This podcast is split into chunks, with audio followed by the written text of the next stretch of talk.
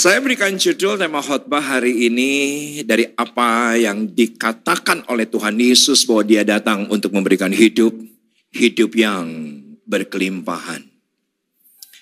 Sedangkan iblis datang hanya untuk mencuri, membunuh, dan membinasakan. Maka dari apa yang dikatakan oleh Tuhan Yesus dan Yesus sendiri buktikan, dia berikan hidupnya. Kenapa? Karena dia mati bagi Anda dan saya. Sebelum kita berdosa sekalipun dia sudah selamatkan hidup kita. Maka saya tidak pernah setuju kalau ada orang bilang begini, I'll do my best, God do the rest. Saya tidak setuju. Karena inisiasinya bukan dari manusia, inisiasinya datang dari Tuhan. Tolong katakan ya. Toh kalaupun kita bisa melayani karena Tuhan yang terlebih dahulu melayani kita. Kita mengasihi toh karena Tuhan yang terlebih dahulu mengasihi kita. Karena segala sesuatunya sesungguhnya anda tidak boleh khawatir akan masa depan karena anugerahnya sudah ada di depan kita. Dia sudah menunggu di tahun 2024. Yaitu adalah judul tema khotbah hari ini. Saya berikan judul yaitu adalah double portion. Saya berikan judul tema khotbah hari ini yaitu adalah double portion. Kenapa? Karena saya kutip dari apa? Yang tertulis dalam dua raja-raja. Ketika itu Elia di satu posisi ada di sebuah kota kecil, ya sebetulnya bukan kota lah kampung, namanya Gilgal. Dan ketika itu Elia berkata kepada Elisa, aku akan terangkat ke sorga dan aku harus ke Bethel. Dan Elia berkata, kamu tinggal di sini, don't go stay here. Tetapi Alkitab dengan jelas berkata Elisa, karena Tuhanku dan hidupmu, ke mana pun aku engkau pergi, aku akan mengikutinya. Dari sini tergambar ada sebuah tekad, ada sebuah komitmen, ada sebuah kesetiaan. Di sini tergambar ada yang namanya dedikasi daripada Elisa untuk mengikuti ke mana? Elia pergi. Dan ketika sampai di Yeriko ada segerombolan nabi. Dan segerombolan nabi ini ikut ke next destination. Karena ketika itu Elia berkata kepada Elisa, stay here karena aku harus ke Yeriko. Dan ternyata nabi-nabi ini juga ikut sampai Yeriko. Dan Alkitab dengan jelas berkata mereka akhirnya terkumpul bersama dengan nabi-nabi yang ada di Yeriko. Sebanyak 50 nabi. Dan ketika sampai di Yeriko, kembali Elia berkata, jangan ke mana-mana, tetap di sini. Tapi Elia berkata, demi Tuhan dan demi hidupmu, ke mana pun engkau, engkau pergi, aku ikut. Ada komitmen, ada tekad, ada dedikasi, ada kesetiaan di sana. Dan Elia memberikan bocoran bahwa dia harus menyeberangi sungai Yordan. Tapi reaksi berbeda yang semula nabi-nabi dari Bethel mengikuti sampai Yeriko, tapi ketika dikatakan lewati sungai Yordan, ternyata 50 nabi hanya melihat dari jauh. Sedangkan Alkitab mendokumentasikan bahwa Elisa mengikuti ke mana pun tuannya pergi. Dan kita akan lihat, yaitu adalah dua raja-raja, dua raja-raja dan sesudah mereka sampai di seberang, tentunya seberang sungai Yordan, itu konteksnya. Berkatalah Elia kepada Elisa, mintalah apa yang hendak kulakukan kepadamu sebelum aku terangkat daripadamu. Minta apa saja. Apa yang hendak kulakukan kepadamu? Jawab Elisa, biarlah kiranya aku mendapat dua bagian daripadamu. Aku mendapat double portion. Karena Elisa melihat sepanjang hidupnya, dia melihat dengan mata kepala sendiri.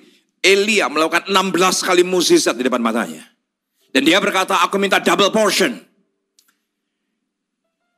Dan perhatikan ayat yang ke-10. Berkatalah Elia, yang kau minta itu adalah sukar. Walaupun kita tahu endingnya. Elisa menerimanya double portion. Maka Alkitab mencatat yang dilakukan oleh Elisa 32 kali musisat. Double portion. akan terjadi kepadamu seperti yang demikian. Dan jika tidak, tidak akan terjadi kalau engkau tidak melihat. Aku terangkat oleh karena dedikasinya, oleh karena komitmennya, oleh karena tekadnya yang begitu kuat daripada Elisa. Dan akhirnya Elisa melihat Elia terangkat. Dan roh yang diterima oleh Elisa double portion. Dan ini menjadi satu pesan untuk semua kita mengakhiri 2023. Semua yang hilang, semua yang tercuri, Tuhan akan gantikan double portion. Katakan amin. Saudaraku kita akan menapaki 2024 dengan pasti di tengah-tengah tahun politik yang hebat. Di tengah-tengah ketidakpastian sekalipun bagi orang percaya double portion. Yang tidak pernah dilihat, yang tidak pernah dipikirkan, itu yang di luar nalar Tuhan sediakan. Dan itu sesungguhnya sudah, katakan bersama dengan saya sudah. Tetapi yang jadi masalah, ayatnya berkata bahwa itu sukar. Ayat yang bilang begitu. Itu sukar. Dan ketika saya renungkan, renungkan, renungkan, saya mendapatkan insight. Kenapa Elia berkata itu sukar? Saudaraku, karena saya dapati ada tiga hal. Double portion artinya adalah double portion of consequences. Jadi konsekuensinya pun itu harus double. Tolong katakan ya. Anda ingin uh, pekerjaan yang dua kali lipat, gaji yang dua kali lipat, pendapatan yang dua kali lipat, jabatan yang dua kali lipat. Setuju dengan saya, konsekuensinya juga dua kali lipat. Nah iya dong. Kita pengen yang double portion. Tadi semua Anda langsung berkata, mengakhiri 2023 kita akan mendapatkan double portion. Kan semua kita bersuka cita dan katakan amin. Tetapi ternyata ada konsekuensi. Yang saya jadi mengerti kenapa Elisa berkata itu sukar. Kita senang dengan yang yang yang flat. Kita senang dengan yang nyaman. Kita senang dengan yang yang yang yang, yang mudah. Dan take it for granted bukan karena kasih karunia Tuhan permudah hidup saya. Iya benar. Tuhan permudah. Tapi siapa yang setuju saya? Tetap ada bagian kita. Tolong katakan ya. Tetap ada bagian kita. Tolong lihat tangan saya yang sudah lihat katakan dia. Ayatnya berkata, apa yang kamu ikat di bumi terikat di sorga. Apa yang kamu lepaskan di bumi terlepas di sorga. Siapa yang sudah dengan saya? Kalau bumi diam, sorga pun diam.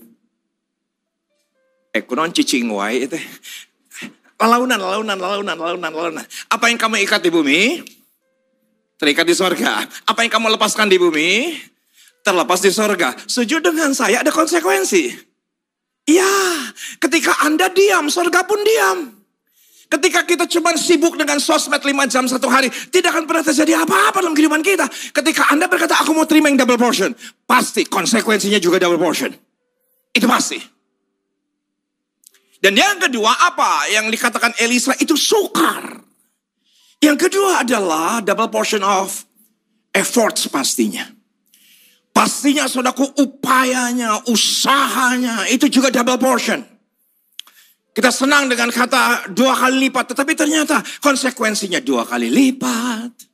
Usahanya juga dua kali lipat, upayanya juga dua kali. Nah ini yang bagi banyak orang di gereja jadi sukar. Karena ketika kita tidak bergerak, surga tidak akan pernah bergerak. Tuhan tidak pernah punya tanggung jawab kepada yang malas. Tolong katakan ya. Tuhan punya tanggung jawab kepada yang rajin. Tidak akan pernah open heaven terjadi dalam kehidupan kita. Open heaven dalam pelayananmu, open heaven dalam pekerjaanmu, open heaven dalam karirmu. Ketika kita tidak bergerak. Kita tidak melipat gandakan apa yang ada dalam kehidupan kita. Ketika Yesus mendapati dia ditaburi atau diminyaki dengan minyak narwastu. Ketika uh, Yudas berkata dia sedang buang-buang uang. Saudara, tapi saya senang dengan apa yang dikatakan oleh Tuhan Yesus. Bahwa perempuan ini, dia sedang melakukan apa yang ia harus lakukan. Setuju dengan saya? Ada sesuatu yang harus kita lakukan. Setelah Yesus lakukan sesuatu untuk kita. Double portion. Katakan yes. Tetap ada bagian kita. Saudaraku, yang pertama. Double portion of consequences. Yang kedua, double portion of efforts. Yang ketiga, yang terakhir, perhatikan, ada yang namanya double portion of responsibilities. Tanggung jawabnya juga jadi besar. Ya pastilah dulunya supervisor, setelah tiba-tiba jadi general manager. Ya pasti tanggung jawabnya lebih besar. Tidak lebih mudah. Ketika seseorang punya toko satu, tiba-tiba jadi punya toko tiga, pasti tanggung jawabnya besar. Pasti konsekuensinya juga besar. Selalu saya jadi saksi hidup dengan apa yang terjadi atas apa di mana saya berdiri hari ini. Karena eh, Februari 2020 baru beberapa bulan gereja ini ada. Di minggu terakhir saya diizinkan oleh ya Pastor Michael untuk berkhotbah yang mana dua minggu kemudian ternyata saya menjadi pendeta tamu terakhir. Karena setelah itu COVID. Semua porak-poranda yang baru dimulai tetapi tidak diduga. Luar biasa hari ini Pastor Michael Gunawan, GSCS Pakuwon Mall mengalami double portion. Tapi setuju dengan saya, yang dia lakukan juga double. Ngerti enggak sih? Usahanya pun double, upayanya pun double. Kerajinannya pun double. Karena Tuhan tidak pernah bertanggung jawab kepada yang malas. Tuhan tidak pernah bertanggung jawab kepada yang diam saja. Tapi saya begitu tahu upayanya luar biasa, usahanya luar biasa. Tetapi setelah dipercaya, beliau juga mau mengambil tanggung jawabnya. Menurut itu saya penting. Perhatikan slide berikut ini. Slide berikut ini. John F. Kennedy pernah berkata presiden ke-35, ketika kita puas dengan hal yang kedua, maka di situlah kita akan hidup. Ketika kita happy dengan yang kedua, di situlah kita hidup. Padahal siapa yang setuju dengan saya? Yang Tuhan sediakan itu yang ke satu. Beberapa orang menjadi sukar. Kenapa sukar? Pengorbanan untuk jadi nomor satu pasti dua kali lipat. Tolong katakan ya. Saudaraku, Yeremia bilang gini, rancangan yang ada padaku, rancangan-rancangan yang ada padaku, rancangan damai sejahtera, rancangan yang penuh pengharapan. Maaf saudaraku, ternyata bukan satu rancangan, tapi rancangan, rancangan, ayatnya bilang begitu. Ternyata di satu peristiwa Tuhan sediakan first best. Tapi ketika orang percaya berkata, ah mungkin, saya nggak bisa. Maka yang terjadi, tenang, masih ada yang second best. Ketika yang second best untuk meraihnya susah, untuk meraihnya penuh upaya. Tenang, Tuhan punya third best. Akhirnya fourth best. Ternyata orang Kristen akhirnya karena terpaksa. Terima yang ke-20 terbaik. Padahal yang Tuhan sediakan adalah yang first best. Bisa nangkap. Karena ayat yang berkata rancangan, rancangan. Yang Tuhan sediakan yang terbaik, tapi untuk meraihnya saudaraku, itu dibutuhkan upaya. Kenapa banyak orang yang Kennedy berkata, mereka puas dengan yang kedua. Karena yang ke satu, pengorbanannya lebih banyak. Pengorbanannya lebih banyak. 2023 pelayanan hampir 70% normal. Pelayanan khotbah ke mana pun ke berbagai macam kota. Dan saya selalu ditanya, Kang gimana GBI Sawangan? Apa yang terjadi dengan GBI Sawangan? Dan saya selalu mengatakan dengan segala kerendahan hati cuman karena kemurahan Tuhan. Dan saya berkata double. Tepuk tangan bagi Tuhan kita. Tepuk tangan untuk kemurahan Tuhan. Dan saudaraku, tetapi saya melihat ketika sekolah minggu double dibandingkan sebelum pandemi. Teens double dibandingkan sebelum pandemi. Youth double dibandingkan sebelum pandemi. Tetapi upayanya juga banyak. Dari serpihan-serpihan oleh dibantai oleh karena COVID yang semula tujuh kali kebaktian dibantai rata. Saudaraku untuk dibangun bahkan jadi double. Itu effortnya banyak. Usahanya banyak. Tapi beberapa orang kok bisa ya Kang? Ya kita kerjakan, setuju dengan saya. Yang dikerjakan dengan yang tidak dikerjakan hasilnya beda. Tolong katakan ya. Yang diupayakan dengan dengan yang tidak diupayakan pasti hasilnya beda. Ya dari apa aja yang ada, saudara kita lakukan. Apa saja yang bisa kita lakukan. Seperti Yesus berkata kepada Yudas, dia sedang melakukan apa yang bisa dia lakukan. Dan tadi malam saya mendengar, saudaraku ada satu berita. Di gereja kami karena sudah kami lakukan tiga kali. Jadi kami secara teratur, youth kami menuai dari yang namanya DRP Arena. Jadi di gereja kami itu setiap Sabtu sebulan sekali diadakan yang namanya Mobile Legend Arena. Dan seraku kita kumpulkan yang pertama, 8 grup, 40 anak. Yang kedua, 12 grup, kumpul. Kemarin 20 grup kita doakan, kita nubuatin, kita uh, apa tuh, uh, kita kasih firman. Kalau main Mobile Legend di gereja nggak boleh ngomong anjay, gitu. Nggak boleh ngomong anjing, anyir.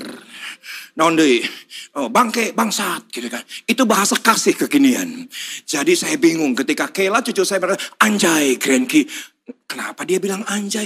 Eh, Kela nggak boleh ngomong anjay. Oh enggak Grenki, itu sopan, itu tanda kekaguman. Katanya begitu saudara. Jadi kalau sedang uh, kagum, anjay, anjing, anjir. Tetap kata dasarnya adalah anjing gitu saudara. Yang bingung saudaraku itu di copy paste sama Malaysia. Beritanya begitu. Malaysia sekarang sudah sehari botol. Sudah tahu botol? Bocah tolol. Gitu saudara. Bocil, bocah cilik. Itu mau sopan lah. Tetapi saudaraku, itulah yang terjadi. Saya berkata kepada anak-anak muda, kita sediain free wifi, kita sediakan free tea, kita sediakan free coffee, overflow. Dan kita juga sediakan free cemilan. Mereka kumpul dan kita menuai dari anak-anak muda. Yang biasanya ngomong anjay, jadi haleluya. Yang biasanya ngomong anjing, jadi puji Tuhan. Katakan amin. Kenapa gereja terima penjina? Kenapa gereja terima yang namanya peselingkuh? Kenapa gereja pem, terima pembunuh? Gereja pun bisa terima anak-anak muda yang terikat sekalipun oleh game online. Karena mereka juga jiwa-jiwa yang perlu digembalakan. Tapi effortnya banyak. Upayanya banyak. Dan apa yang terjadi beberapa hari yang lalu mereka berkata kepada saya bahwa pengurus daripada youth, Om kita mau rapat tetapi rapatnya jauh 5 jam dari sini. Uh, sorry aku bilang gak ada budget. Ya udah kalau gereja gak ada budget kita urunan Om. Yuk saya, aku juga nyumbang. Akhirnya mereka naik bus abri. Bukan bus AC. Bus abri. 100 pengerja. Mereka ke tempat dingin di sekitar kampung saya. Yaitu Ciwidey. Nama tempatnya adalah Pangalengan. Ketika mereka sampai di sana ternyata ada sebuah villa yang dipakai oleh gereja lain. Kenapa? Karena mereka sudah memuji menyembah Tuhan. Dan akhirnya karena uh, dipikir ya sama-sama Kristen, ditanya uh, yang di villa ini dari mana? Oh dari gereja ini. Nah dari villa ini tanya, itu pakai bus abrib, itu semua jemaat yud? Oh tidak, ini cuman pengerjanya saja. Pengerjanya aja sudah ratusan. Lagi mana dengan dengan jemaatnya? Dan ditanya sama teman-teman, kalian ke sini ngapain? Oh kami ke sini. Ini adalah ibadah yang terakhir dari youth kami. Setelah itu bubar. Setelah itu bubar. Pak Bu, banyak sekali gereja-gereja yang di luar sana dihantam pandemi. Mereka tidak bisa bangkit. Tidak bisa bangkit. Sulit untuk bangkit. Ada begitu banyak youth tutup, nggak ada orangnya, nggak ada sumber daya, nggak ada sumber dana, nggak ada alat, sulit sekali, sulit sekali. Dan akhirnya pengurus youth bilang gini, Pak, boleh nggak Pak? Kita bikin konferensi. Wah, aku bilang sotoy baru teh. Sotoy mah baru teh. Pokoknya tadi barusan yang ketawa pasti orang Sunda. Kayak yang lain nggak ketawa karena nggak ngerti. Bui barudak manis soto misan kia. Dan mereka berkata, e, Pak tenang Pak. Nanti kita kasih tahu kepada mereka, ini caranya, ini bahannya. Ini caranya, ini bahannya. Supaya mereka pun juga diberkati. Supaya mereka juga on fire. Dan apa yang terjadi? Aku bilang, oke. Okay. Anda tahu kenapa saya bilang oke? Okay? Karena saya tahu persis, sawangan gereja sederhana. Sawangan gereja yang bukan apa-apa, yang dihantam COVID, sulit. Tetapi saya yakin pasti jadi berkat. Kenapa? Karena banyak orang bikin conference di gereja besar, bikin conference di gereja kaya, bikin conference di gereja yang yang yang sudah punya. Justru ketika mereka selesai melakukan proses, apa yang mereka frustasi. Karena ternyata di gereja mereka nggak punya apa-apa. Pantas. Ini bahannya, ini caranya, tapi di situ kompornya kompor import. Saya senang dengan sawangan, kompor minyak. Jadi mereka ketika pulang, puji Tuhan kita masih punya kompor gas. Puji Tuhan kompor kita lebih baik dibandingkan sawangan. Di sawangan saja apinya ada. Kita bisa bagi ke banyak gereja. Ide itu saya terima.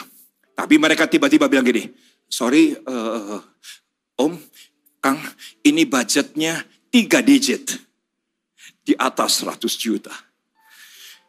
Aku bilang ini berat. Oh tenang Kang, pokoknya semua peserta itu bayar 125 ribu. 300 peserta targetnya. Kita doakan dalam nama Yesus. Seminggu tidak ada yang daftar.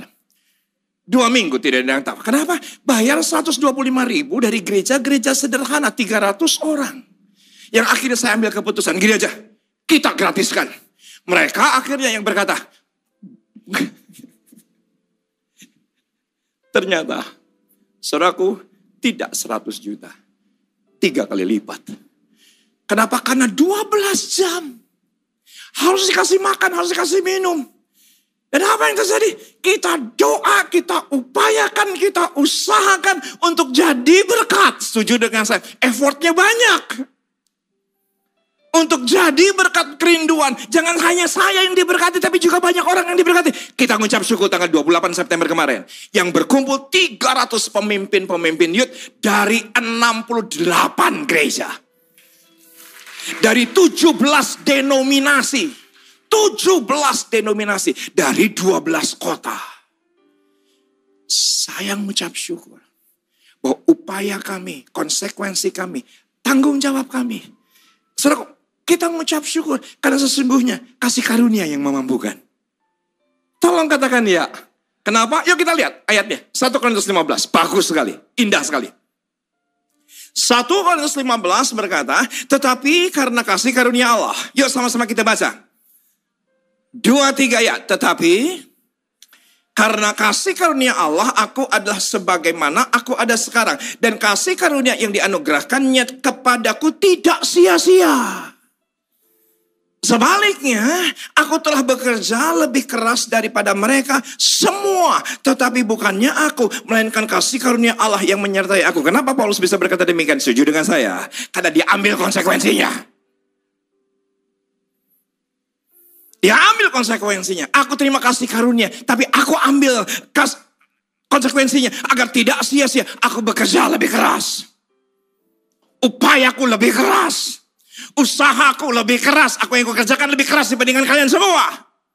Menurut saya itu penting. Dan saya tahu proses Anda akan pulang dari lantai tiga ini tidak akan pernah sama seperti Anda datang. Kita punya komitmen. Saya tahu yang di depan saya dua kali lipat. Maka apa yang harus saya kerjakan juga dua kali lipat. Tepuk tangan bagi Tuhan kita. Saya tidak akan lagi temukan dan tidak akan lagi saya dengar yang malas, yang diam. Saya akan mendengar teman-teman muda yang ada di GSCS semakin rajin kuliah, semakin rajin bekerja, semakin rajin. Karena ternyata banyak kali kita menyia-nyiakan kasih karunia. Banyak kali kita healing terus atau healing teh atau eren meren bener tuh tenang saya akan terjemahkan. Saudaraku kalau healing ya bolehlah healing tapi jangan terus-terusan ya nggak sih? Ya healing ya boleh. Ya main sosial media ya nggak apa-apa. Saya berkata kepada anak-anak muda yang main Mobile Legend. Tidak apa-apa main Mobile Legend. Tapi disiplin. Setelah itu tetap bantu papa mama cuci piring. Saya bilang sama mereka, nggak apa-apa main Mobile Legend, tapi jangan terus-terusan. Tahu waktu, tahu diri. Kalau bisa cari uang, jangan terus minta kuota dari papa mama. Saya bilang sama mereka, nggak apa-apa mobil aja, tapi disiplin. Sehari misalnya dua jam, nggak apa-apa, ya sudahlah. Tetapi setelah itu besok kalau pulang, kalau sekolah, jangan tidur. Setuju dengan saya? Ketika anak-anak dijangkau, generasi ini dimenangkan untuk kemuliaan nama Tuhan. Tepuk tangan yang lebih baik bagi Allah kita. Saya akan tutup di bilangan pasal yang ke-32 indah. Sangat indah. Penyerahan daerah sebelah timur Sungai Yordan. Dari 12 suku, ternyata ada dua suku yang berkata kepada Musa, Adapun Bani Ruben dan Bani Gad ternaknya banyak. Bahkan sangat banyak sekali ketika mereka melihat tanah Yaeser dan tanah Gilead. Tampaklah tempat itu tempat yang baik untuk peternakan.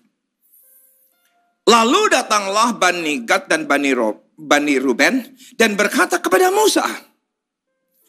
Jadi intinya mereka ingin memilih tanah Gilead. Mereka ingin memilih tanah Yaeser. Karena tempat itu baik ternyata untuk peternakan. Mereka sampai ke Musa, dipimpin oleh Imam Eleazar dan para pemimpin umat itu. Perhatikan, Atarot, Dibon, Yaeser, Nimra, Hesibon. Mana Harerese ngomong teh. Hasibon, saudaraku. Tetapi ada nama yang menarik. Ala Ale. Ini menurut saya menarik. Ini pasti leluhur, orang Ambon. Ya gak sih? Kenapa namanya? Ele Ele ale, saudaraku karena orang Ambon, hai ale, hai ale, ale, gitu kan. Saya senang saudaraku dikasih kesempatan setelah sekian tahun, 25 tahun saya khotbah. Untuk kali pertama, bulan lalu, saya ke Ambon. Berubah paradigma saya, berubah. Mereka orang-orang menyenangkan, sangat menyenangkan. Maaf saudaraku kami di, di, di, Jakarta, ketika ketemu dengan mereka, ya badannya besar gitu kan. Uh, ya saya susah ngomong lah nanti disangkanya body, body shaming. Tetapi ya seperti itulah saudara-saudara kita dari Ambon. Tapi ketika saya turun, ketika akan terbang ke Ambon, saudaraku yang jemput saya putra Ambon asli, Pak Pendeta. Tolong doa Pak Pendeta. Ini di Ambon hujan besar Pak Pendeta. Karena sudah berbulan-bulan di Ambon Pak Pendeta. Matahari hanya di mall. Itu begitu saudaraku. Terus saya mikir kunaon matahari tak ayah di mall. Heeh, ada matahari mah ayah di mall. Nah, aku naon ayah di mall. Heeh, ayah di mall. Tenang, saudaraku. Saya kan saya, saya, saya kalau bingung pakai bahasa Sunda. Dan apa yang terjadi? Kenapa kok matahari? Oh, ternyata sudah berbulan-bulan ketika Surabaya panas, ketika Semarang panas, ketika Jakarta panas. Saudaraku berbulan-bulan di Ambon, hujan terus. Menyenangkan sekali yang namanya Ambon. Itu yang namanya uh, rujak natsepa. Sorga sedekat Enak banget. Itu yang namanya saus kuning. Waduh, enak banget. Itu yang namanya saus kuning dengan dengan dengan dengan apa? Dengan ikan begitu. Pak Pendeta, kenapa ini ikan di Ambon enak? Karena matinya satu kali. Begitu, saudara. Yang di Jawa berkali-kali katanya begitu ya kan. Dan kota Ambon itu kota yang paling aman Pak Pendeta. Karena di, di Ambon itu tidak ada pencurian. Di Ambon itu sebetulnya aman sekali. Karena yang kerusuhan 23 tahun yang lalu itu orang luar Bapak Pendeta. Tapi Ambon itu aman. Orang Ambon saja yang namanya motor kunci stang tidak pernah dikunci. Yang gak aman itu Jawa. Karena banyak orang Ambon. Tapi begitu saudara. itu menyenangkan orang Ambon tuh. Sangat menyenangkan. Ya, mungkin leluhurnya namanya adalah Eli Ale.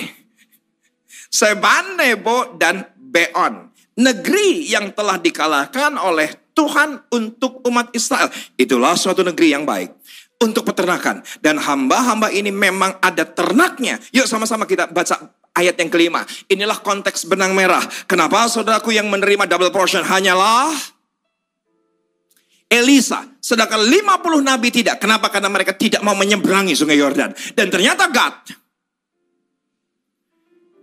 dan Ruben juga mengambil keputusan yang sama.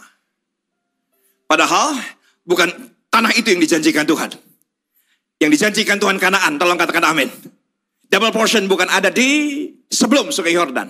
Tapi di setelah sungai Yordan. Tapi yuk sama-sama kita baca. Dua, tiga, ya. Lalu, belum semua. Saudara, saudara kencengan dong ngomongnya. Sini loh khotbah ke yang keempat nih. Saudara, suara Anda itu memberikan energi buat saya supaya saya kuat sampai ke kebaktian ke-6. Tolong katakan amin. Anda pulang saya masih khotbah. Yuk sama-sama kita baca. Saudara diberkati? Saudara diberkati? Saya ingin lihat tangan-tangan yang yang ditolong Tuhan. Kita berikan tepuk tangan bagi Allah kita. Ayat yang kelima, dua tiga ya. Lalu kata mereka apa? Jika kami mendapat kasihmu, biarlah negeri ini diberikan kepada hamba-hambamu ini sebagai milik. Janganlah kami harus pindah ke seberang sungai Yordan. Kembali, Eli, Elisa saja yang terima. Kenapa? Karena menyeberangi sungai Yordan. Ternyata Gad dan Ruben karena melihat sebelum sungai Yordan tanahnya baik, tidak mau menyeberang sungai Yordan, padahal yang dijanjikan adalah tanah perjanjian dengan sumpah kepada Abraham, sumpah kepada Isa, sumpah kepada Yakub. Mana yang lebih baik? Bukan padang gurun. Bukan yang mudah. Maaf, kalau Anda ingin hidup mudah, Anda sedang menuai masa depan yang sukar. Hah? Ketika Anda memilih yang sukar hari ini, Anda sedang menjamin kemudahan di masa depan. Setuju gak sih? Pengen mudah, tidur siang, males-malesan, mudah. Nggak belajar, mudah. Ngapain repot, mudah. Ketika Anda ambil keputusan yang mudah hari ini, Anda sedang mempersulit masa depanmu. Pilih yang sulit, katakan amin. Untuk mempermudah masa depan kita. Ini kayaknya bagus nih quotation ini. Juga bagus buat saya. Cari yang sulit, bukan cari yang gampang. Karena ketika menyeberang sungai Yordan di tanah perjanjian, masih ada 31 raja-raja yang harus dikalahkan. Yosua 12 berkata demikian. Maka perhatikan slide berikut ini. Silakan foto walaupun nggak terlalu banyak artinya bagi Anda. Tetapi ini padang gurun, itu tanah perjanjian. Ternyata yang jadi batasan itulah sungai Yordan. Yang jadi border itulah sungai Yordan. Saya bisa mengerti. Ruben dan Gad, aku tidak akan ke sana. Di sini aja. Kami jangan dibawa ke sungai Yordan.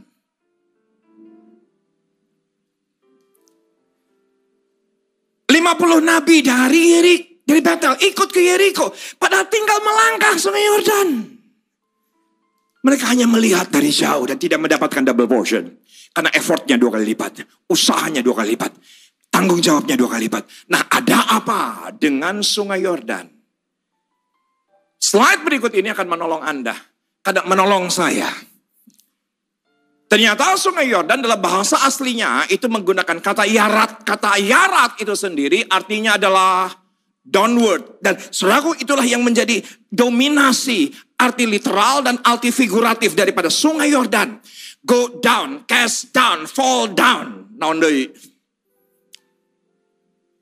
Carry down, bring down, naon deui. Put down, naon deui. Pokoknya kabeh down gitu tah. Semuanya di bawah. Setuju nggak dengan saya? Yang sulit itu yang di bawah. Tapi ketika kita memilih yang sulit, kita sedang memastikan masa depan kita gemilang. Kita senang dengan yang tinggi, tapi barang siapa yang meninggikan dia akan direndahkan. Barang siapa yang merendahkan diri, dia akan ditinggikan oleh Tuhan. Dan, dan, dan itulah fakta realita Alkitab. Maka silakan foto slide berikut ini. Silakan foto slide berikut ini. Jaminan keberhasilan dari Tuhan sedekat pilihan kita yaitu merendahkan hati sebagai dedikasi dan pengorbanan kita. Saya punya sahabat seorang Surabaya, lahir di Surabaya, putra Surabaya. Dia bercerita kepada saya, sekolahnya males. Ujian nyontek. Gak pernah belajar. Dia persulit hidupnya. Kesukaannya adalah berantem. Kesukaannya adalah tawuran dan akhirnya pada sebuah titik dia pimpin tawuran sekolahnya untuk menyerang sekolah yang lain. Yang konon ceritanya di sekolah lain itu ada pujaan hatinya yang digodain oleh laki-laki di sekolah itu. Maka dia pimpin sendiri sekolahnya serang sekolah lain. Yang akhirnya akibatnya adalah dia dikeluarkan dari sekolah. Dan akibatnya adalah dia jadi pengangguran. Anak kelas 3 SMA pengangguran belas. Ketika teman-temannya ujian SMA, dia tidak bisa. Karena tidak satupun sekolah yang mau terima dia karena reputasinya terlalu buruk. Dia pernah memperlihatkan tangannya kepada saya. Cacat. Kenapa? Karena sering mukulin orang dari sejak muda. Dan apa yang terjadi? Cacat kecil lah. Dan apa yang terjadi? Akhirnya ketika dia nganggur, ibunya mendoakan tidak digubris. Ibunya memberikan nasihat tidak digubris. Tapi satu titik, dia ternyata melihat ibunya sedang berdoa dan menangis. Ketika dia menangis, dia memilih. Katakan bersama dengan saya memilih. Siapa yang setuju dengan saya? Pilihan itu hak prerogatif masing-masing kita. Betul ya? Betul ya? Tuhan pun tidak bisa merubah pilihan Anda. Buktinya apa? Setuju dengan saya? Tuhan tahu Adam bakal jatuh. Ya tahu dong, Tuhan kita Alfa dan Omega kok. Tuhan tahu Hawa akan jatuh? Tahu, tetapi Tuhan tidak bisa merubah pilihan. Anda memilih untuk yang mudah, mempersukar hidup Anda, itu pilihanmu. Anda pilih yang sulit hari ini. Untuk kita meraih kemudahan di masa depan. Itu pun pilihan kita. Karena dari sisi Tuhan sudah selesai. Katakan amin. Agama do and don'ts. Itu agama. Kasih karunia dan. Sekali sekali. Kayaknya Anda kurang semangat. Agama. Temenang kitu, temenang kieu, kudu kitu, kudu kieu. Katakan bersama dengan saya dua tiga ya. Temenang kitu, temenang ki kudu gitu, kudu ki itu agama. Lakukan ini dan jangan lakukan itu agama. Do and don'ts, tetapi anugerah dan sudah selesai. Tepuk tangan bagi Allah kita. Sudah selesai. Dan akhirnya saudaraku, anak muda ini yang terpuruk dia ambil paket C. Dia lulus SMA dia berkata, aku menjadi semakin rajin karena aku memilih yang sulit. Aku memilih yang sukar. Aku memilih dengan dedikasi. Aku akan belajar sungguh-sungguh. Aku belajar lebih rajin. Ternyata diterima beasiswa ke Kanada. Selesai S1, S2, double degree. Pujaan hatinya, dinikah, menikah. Dia selalu berkata, susah kang hidup kita. Susah luar biasa. Tapi dari apa yang ada kita kecil-kecilan lah beli saham ini, beli saham itu. Setelah aku pulang ke Surabaya mendirikan perusahaan. Sekarang karyawannya 50 ribu orang. Aset di Forbesnya, saudaraku itu sudah mencapai 15 miliar US dollars. Dari yang gagal, tapi dia memilih yang sulit. Sulit luar biasa. Tapi saya tahu persis, saya tahu persis. Saya kalau WA jam 2 subuh, pasti dibalas. Kenapa? Karena pasti belum tidur. Saya WA jam 6 pagi, pasti sudah dibalas. Saya tahu persis, itu karena jam gymnya. Itu jam dia berolahraga. Dia sangat bugar. Kita banyak diskusi soal olahraga, kita banyak diskusi soal gym. Satu hari kami berlibur bersama di satu pulau ketika akan kembali ke Yunani, saudaraku, kita naik boot. Ketika naik boot, dia berkata kepada grup, daripada kita boring 5 jam, ini boot juga boot kecil, yuk kita sama-sama, perlombaan dia berkata, yang menang dikasihlah sekian uang dari dia. Oke, semuanya semangat yang laki-laki. Dan satu demi satu gugur. Semuanya kalah. Kenapa? Karena perlombaannya itu ngepleng. Sedangkan dia udah puluhan tahun ngepleng. Lah kita-kita ini kan nggak biasa ngepleng. Dan akhirnya pengen saya lumayan lah saya dapat hadiah. Kenapa? Karena saya juara dua. Karena saya pun sudah 20 tahun ngepleng. Dan sudah kok untuk meraih sesuatu setuju dengan saya. Pasti ada upaya.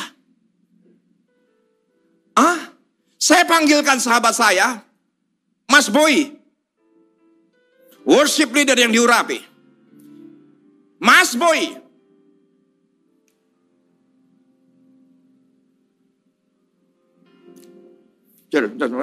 Dong dong dong dong dong gitu. Dong dong dong dong dong. Wah, ini dia deh. Bos boy, maju ke depan.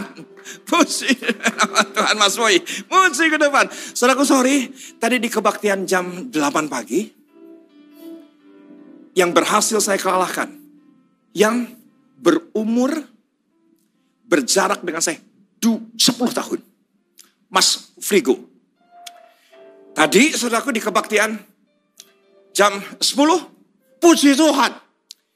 Saya bisa mengalahkan yang berusia 20 tahun lebih muda dibandingkan saya. Pastor Andrew. Tadi kebaktian jam 12, pemain keyboard ternyata usia 24, beda dengan umur dengan saya. Saudaraku 32 tahun. Saya ingin coba sahabat saya. Mr. Boy. Mana? Silakan Pak Boy, sini Boy. Oke, okay, oke. Okay. Saya tahu tidak mudah mengalahkan dia. Ayo, saya tahu, saya, saya, saya, saya, saya, saya, saya tahu tidak mudah. Ayo, tidak mudah. Saudaraku, lu sangat meyakinkan. Dia putra Ambon. Putra Ambon, sah? Oh, putra Yesus. Maka kita akan lihat siapa yang menang sekarang.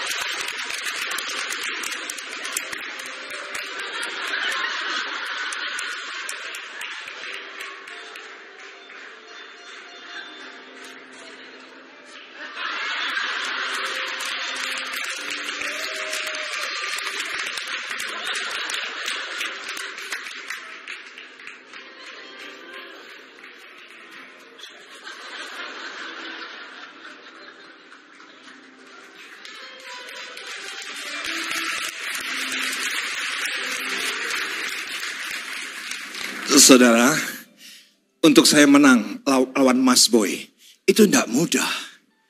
Di tahun 2023 ini, saudaraku, lingkar perut saya itu mundurnya sudah 22 cm. Siapa yang sudah dengan saya itu butuh dedikasi. Itu butuh pengorbanan. Saya nggak jadi makan mie. Saya kalau kita saya ngeliat mie goreng, saya bahasa roh. Syarabakan jauhkan itu daripada aku. Biarlah cawan ini menjauh daripada aku. Apalagi saudaraku, banyak hal saya nggak makan tepung, saya nggak makan gula. Tapi pengorbanan, dedikasi, puji Tuhan, mengalahkan boy. Saya akhiri dengan quotation ini silakan difoto. Maka tingkat kedewasaan saya, maka tingkat keberhasilan saya ditentukan oleh tingkat dedikasi dan pengorbanan saya. Tolong katakan iya. Karena kita tahu yang namanya kedewasaan bukan angka, kedewasaan bukan umur. Tapi begitu banyak anak muda yang ketika mendedikasikan hidupnya untuk gereja, untuk keluarga, pasti dewasa. Pasti dewasa. Walaupun dia anak muda biasa, tetapi dia dedikasikan hidupnya, untuk karirnya, untuk pelayanannya, untuk Tuhannya. Dia berkorban, pasti ada hasil yang dia akan raih.